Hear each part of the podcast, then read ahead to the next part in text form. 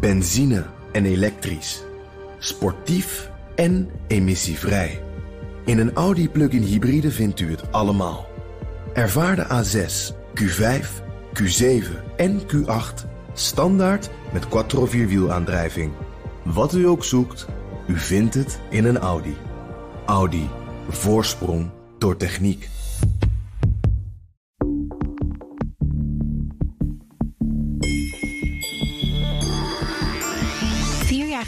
Was ik voor het laatst in Beijing, op bezoek bij mijn oma en mijn oom. Vanwege luchtvervuiling mochten elke dag maar de helft van de auto's de straat op. De ene dag auto's met een nummerbord eindigend op een even nummer en de dag erna die eindigend op een oneven getal. Een behoorlijk ingrijpende maatregel zou je denken. Behalve dat mijn oom een extra auto had gekocht, zodat hij een even en een oneven nummerbord had. China, met haar enorme inwonersaantal en grote maakindustrie, is verantwoordelijk voor bijna een derde van de wereldwijde CO2-uitstoot. President Xi kondigde recent aan dat China in 2060 klimaatneutraal moet zijn. In 2015 maakte China zich ook al hard voor het klimaatakkoord van Parijs, toen Amerika zich terugtrok. In deze aflevering daarom de vraag: waarom heeft China juist nu zo'n focus op het klimaat? Mijn gasten deze aflevering zijn Kevin Schoenmakers, freelance China-correspondent, en Detlef van Vuren, klimaatonderzoeker, planbureau voor de leefomgeving en de Universiteit Utrecht. Hij kijkt naar emissietrends in onder andere China. Mijn naam is Liao Wang en deze podcast wordt mede mogelijk gemaakt door het Leiden Asia Center. Eind september sprak president Xi natuurlijk tijdens de algemene vergadering van de VN zijn nieuwe ambities uit, namelijk dat China in 2060 CO2-neutraal moet zijn. Um, Kevin, jij woont en werkt al zo'n zeven jaar in Shanghai. In hoeverre kwam deze aankondiging voor jou als een verrassing?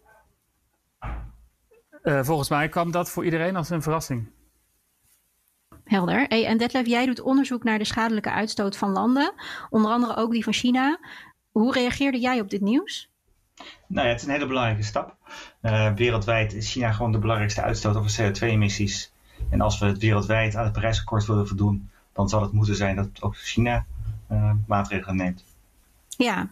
ja, en ik ben als eerste eigenlijk benieuwd hoe spectaculair deze uitspraak eigenlijk is. Dus Detlef, als we naar China kijken, uh, hoe groot is dan de CO2-uitstoot eigenlijk van dat land? Ja, China is, bij, is gewoon verreweg nummer één. het is een, een, derde van de wereldemissies ongeveer. En uh, ook in termen van emissies per hoofd uh, staat China vrij hoog. Uh, dus het is heel belangrijk dat daar ook maatregelen genomen gaan worden. Nou, dat spel met maatregelen nemen, dat, dat is nu sinds Parijs. Hè. Parijs heeft de wereld afgesproken, we gaan die emissies terugbrengen. Maar dat zal op landenniveau moeten worden geïmplementeerd. En je ziet land, dat landen een beetje naar elkaar kijken van wat, ga jij doen, wat ga ik doen. Het is, het is allemaal op vrijwillige basis. En, en als er dan dus landen zijn die een stap verder durven te gaan, dan is dat heel belangrijk in het proces, omdat andere landen dan ook een stap kunnen, kunnen gaan doen. Hey Kevin, um, het is, jij gaf net al aan, het is dus een grote, eigenlijk was voor iedereen een verrassing. Hè? Als we deze Chinese ambities afzetten tegen de rest van de wereld, hoe, hoe moet ik dat dan lezen? Hoe, hoe groot is dit? Nou ja, zoals Detlef net al zei, China stoot verreweg het meeste broeikasgas uit ter wereld.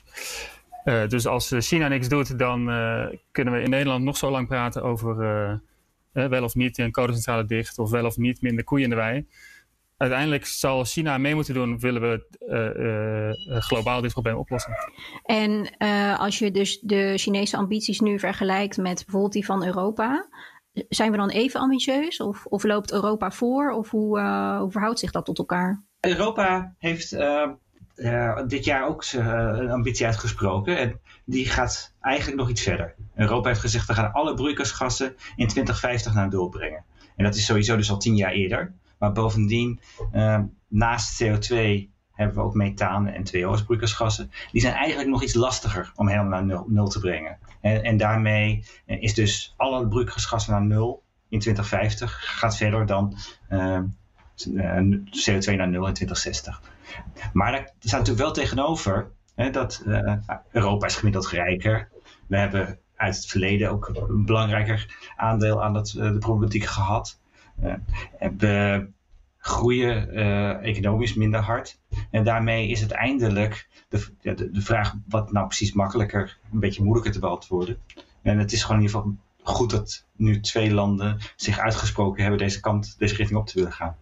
Ja, en voor zover ik weet zijn de, de uitstoten in Europese landen ook veel eerder gepiekt. China die heeft nu uh, beloofd, we gaan in 2030 of voor 2030 pieken. En dan in 30 jaar de CO2-uitstoot helemaal naar nul brengen. En uh, misschien dat Detlef de jaartallen weet voor Europa of Nederland. Maar volgens mij zijn wij al in de jaren 90. Klopt dat? Ja, dus de meeste Europese landen die hebben dalende CO2-emissies. bijvoorbeeld Duitsland en Engeland. En, dat is in de afgelopen 10, 20 jaar gebeurd. Um, Nederland is nou juist een beetje een uitzondering. Daar is de piek pas eigenlijk een jaar of vijf geleden. Ja, en China heeft dus nog niet gepiekt. China is dus nog aan het stijgen. Heeft gezegd dat stijgen houdt over tien jaar op en dan gaan we eigenlijk dalen. Um, Kevin, hoe komt dat dat China zo'n ander uh, ritme heeft? Zeg maar? Hoe zijn ze nu de grootste vervuiler geworden en waarom stijgt dat nog door?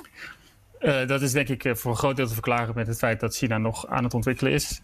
Ze zijn per hoofd van de bevolking nog niet zo rijk als wij in Europa. Uh, en ook wordt hier, hier, wordt heel veel, hier, hier worden heel veel spullen gemaakt die wij dan vervolgens in Europa consumeren. Dus in zekere zin zou een groot deel van de uitstoot hier ook op ons bordje moeten vallen. Als ik hem even samenvat, dan is het dus wel zo dat er in China echt een veel grotere afbuiging of trendbreuk gerealiseerd moet worden dan in bijvoorbeeld Europa, ook al zijn de ambities minder groot. Klopt dat?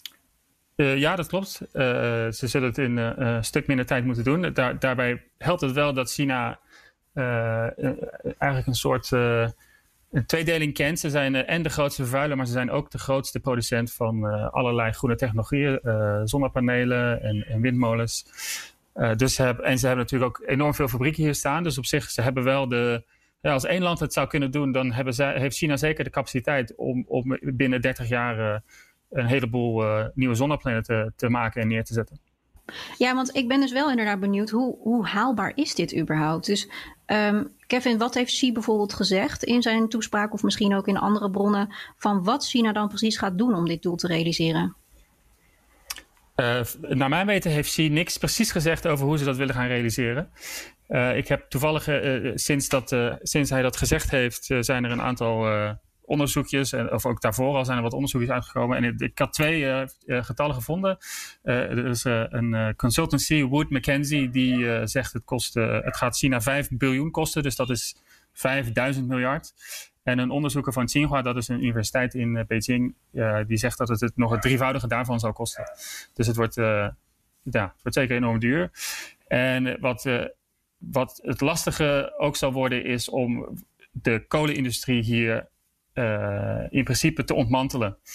Uh, in China komt nog iets van uh, 59, 58 procent van alle energie komt van kolen. Daar zijn ook miljoenen banen mee gemoeid. En als China in 2060 CO2-neutraal wil zijn, dan zullen ze of geen, geen kolen meer moeten verbranden of zullen ze zullen moeten investeren in, in technologie om de uitstoot van die centrales op te slaan of af te vangen en dan vervolgens op te slaan.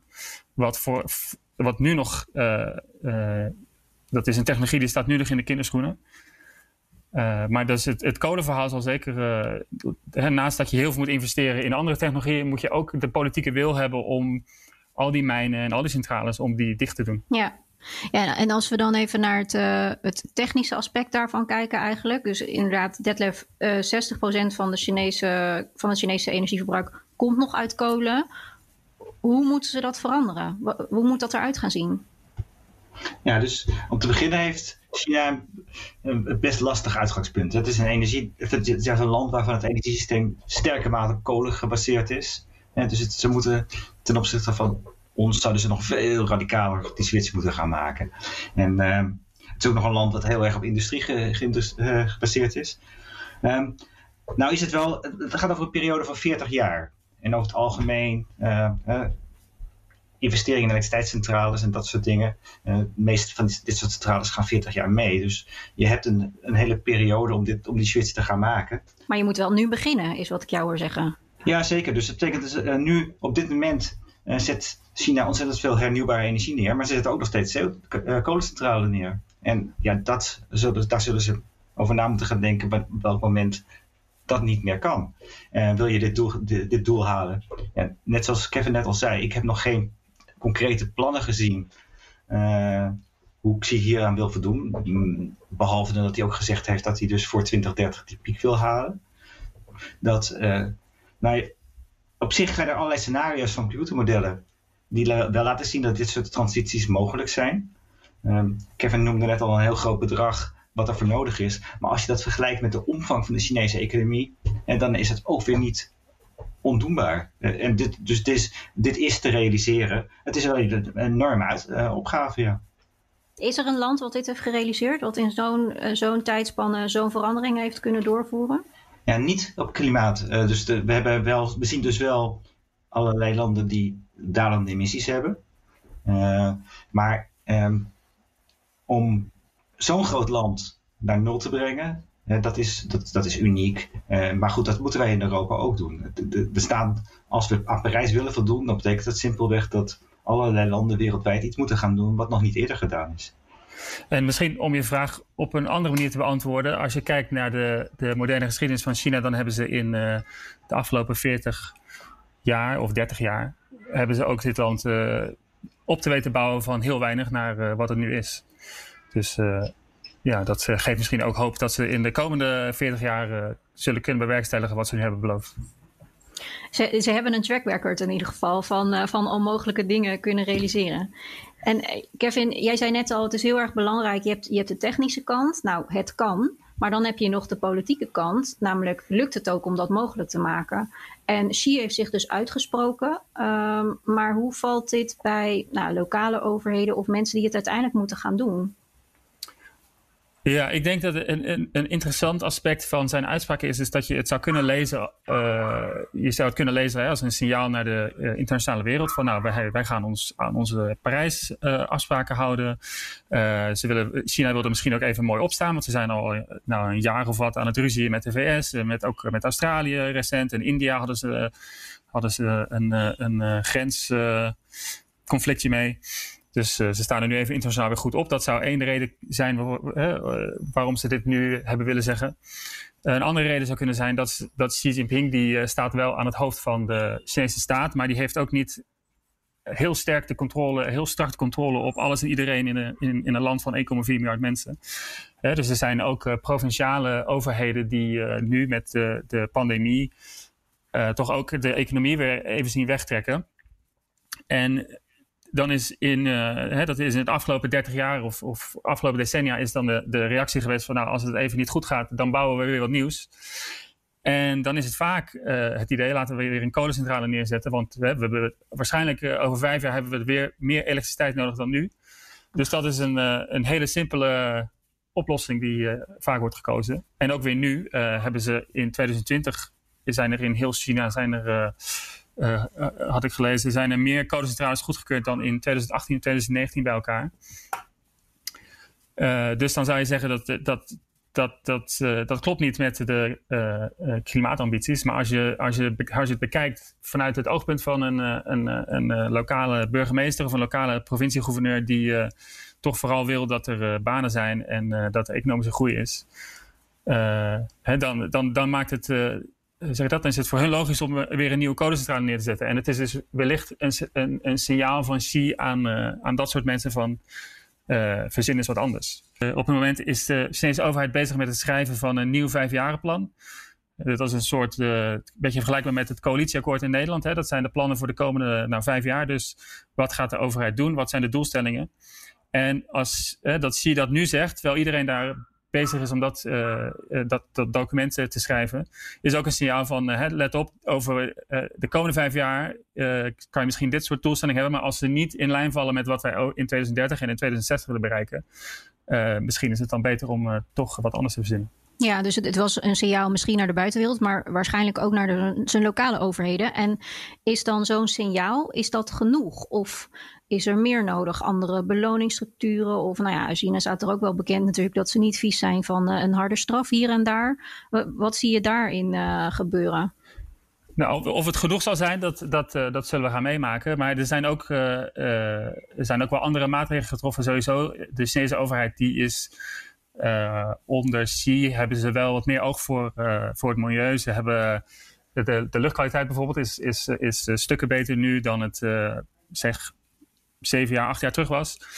Um, En ook bijvoorbeeld de, de, de, de evaluatie van lokale politici, lokale bestuurders. Dat was de, voorheen ging dat echt bijna alleen maar over hoe, hoe hard heeft uh, jouw economie daar, is, is jouw economie daar gegroeid.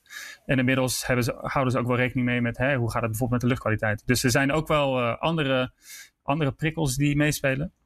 Um, ja, en of het genoeg zal zijn, dat, uh, dat zullen we meemaken. En Detlef, nou Kevin zei net al van er zijn ineens, uh, misschien ook mede door corona, weer heel veel kolencentrales uh, goedgekeurd. Uh, wat voor signalen zie jij? Zeg, zie jij al dingen naar beneden gaan? Zie jij al dingen veranderen? Of zie jij eigenlijk ook dat er nog niet zoveel gebeurt en dat dit het begin is? Ja, tot nu toe was het dus echt inderdaad een mixed me message. China is een van de leiders op het gebied van nieuwe hernieuwbare energie. En tegelijkertijd uh, bouwt ook uh, nog een, heel erg veel kolencentrales. Uh, nou, wil je aan dat, deze doelstelling voldoen, dan zou je dat moeten veranderen. ik denk inderdaad, zoals Kevin net zei, dat er zowel een buitenlandse dimensie hieraan zit, hè, geopolitieke dimensie. Die, die toespraak van Xi was zelfs ook nog vlak na die van Trump op de VN. Dus daar zit echt wel een relatie dat China wil graag een belangrijke speler worden op dat, op dat wereldtoneel. Amerika laat daarbij steeds meer ruimte. En, en dus is ook dit een terrein waar uh, Xi zou kunnen denken, nou, hier kan ik ook eens laten zien dat China er nu bij hoort. Um, en dan denk ik, uh, Kevin noemde net al, die luchtverontreiniging is natuurlijk ook echt wel een hele belangrijke overweging voor China om te, te, zoeken naar een ander energiesysteem. Um, in principe heb je twee keuzes. Je kan proberen uh, fossiele energie schoner te gaan doen of over, om te gaan naar hernieuwbare energie. Maar ik, wat mij betreft was die luchtkwaliteitsprobleem nog steeds wel zo urgent en dat het logisch was om daar stappen te nemen. En dan past dit ook uh, daar goed bij. Ja. ja, dus er zijn wel redenen, waarschijnlijk binnenlands en buitenlands, als ik jullie zo hoor, waarom dit dan nu ineens een prioriteit is geworden. Want Kevin, als we bijvoorbeeld inzoomen op die luchtkwaliteit. Uh, hoe belangrijk is dat voor de bevolking? En, en creëerde dat bijvoorbeeld ook echt onrust dat dat zo slecht was?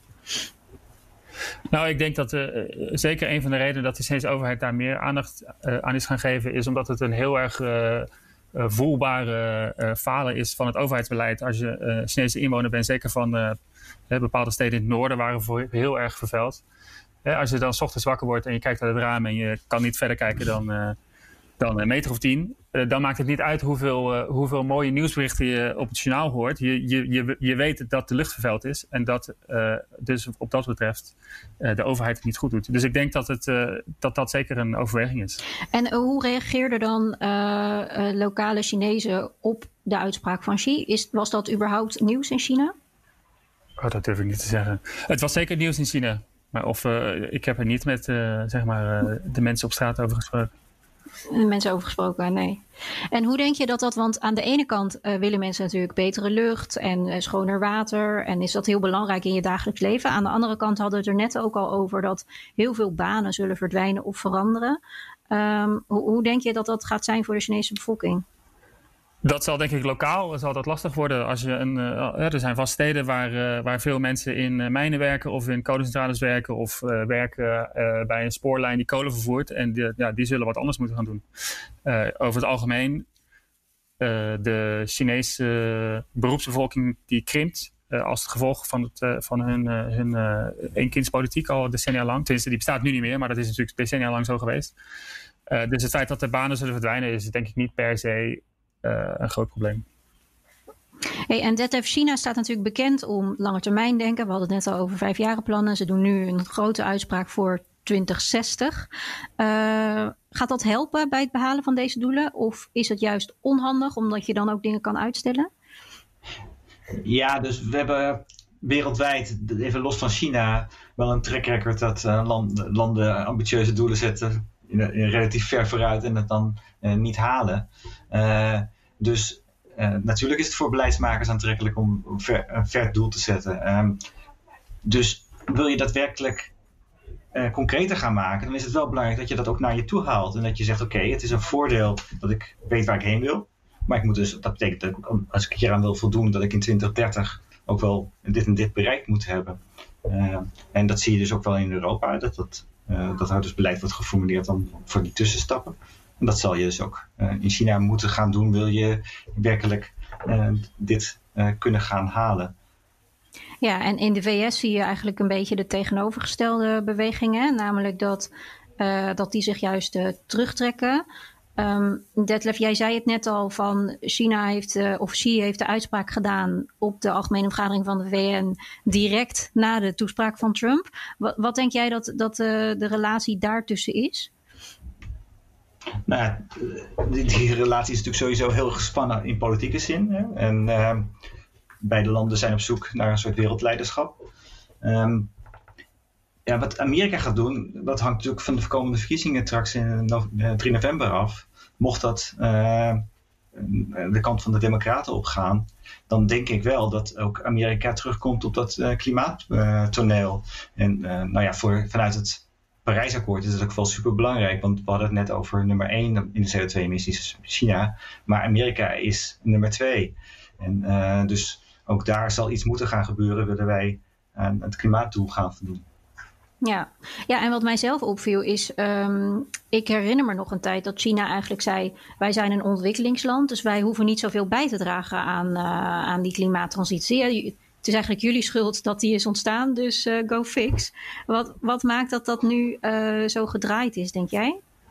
Nou, uh, allereerst het feit dat, dat China natuurlijk gewoon het wordt steeds moeilijker voor China om dat vol te houden. Als je uh, qua emissies ver weg de grootste bent, ook in emissies per hoofd best hoog zit. dus ehm, op een bepaald moment zullen ze ook werkelijk die transitie zelf maken. Dat ze niet meer ontwikkelingsland zijn, maar dat ze een van de wereldsleiders zijn. en nou, dat zie je dus nu langzamerhand gebeuren.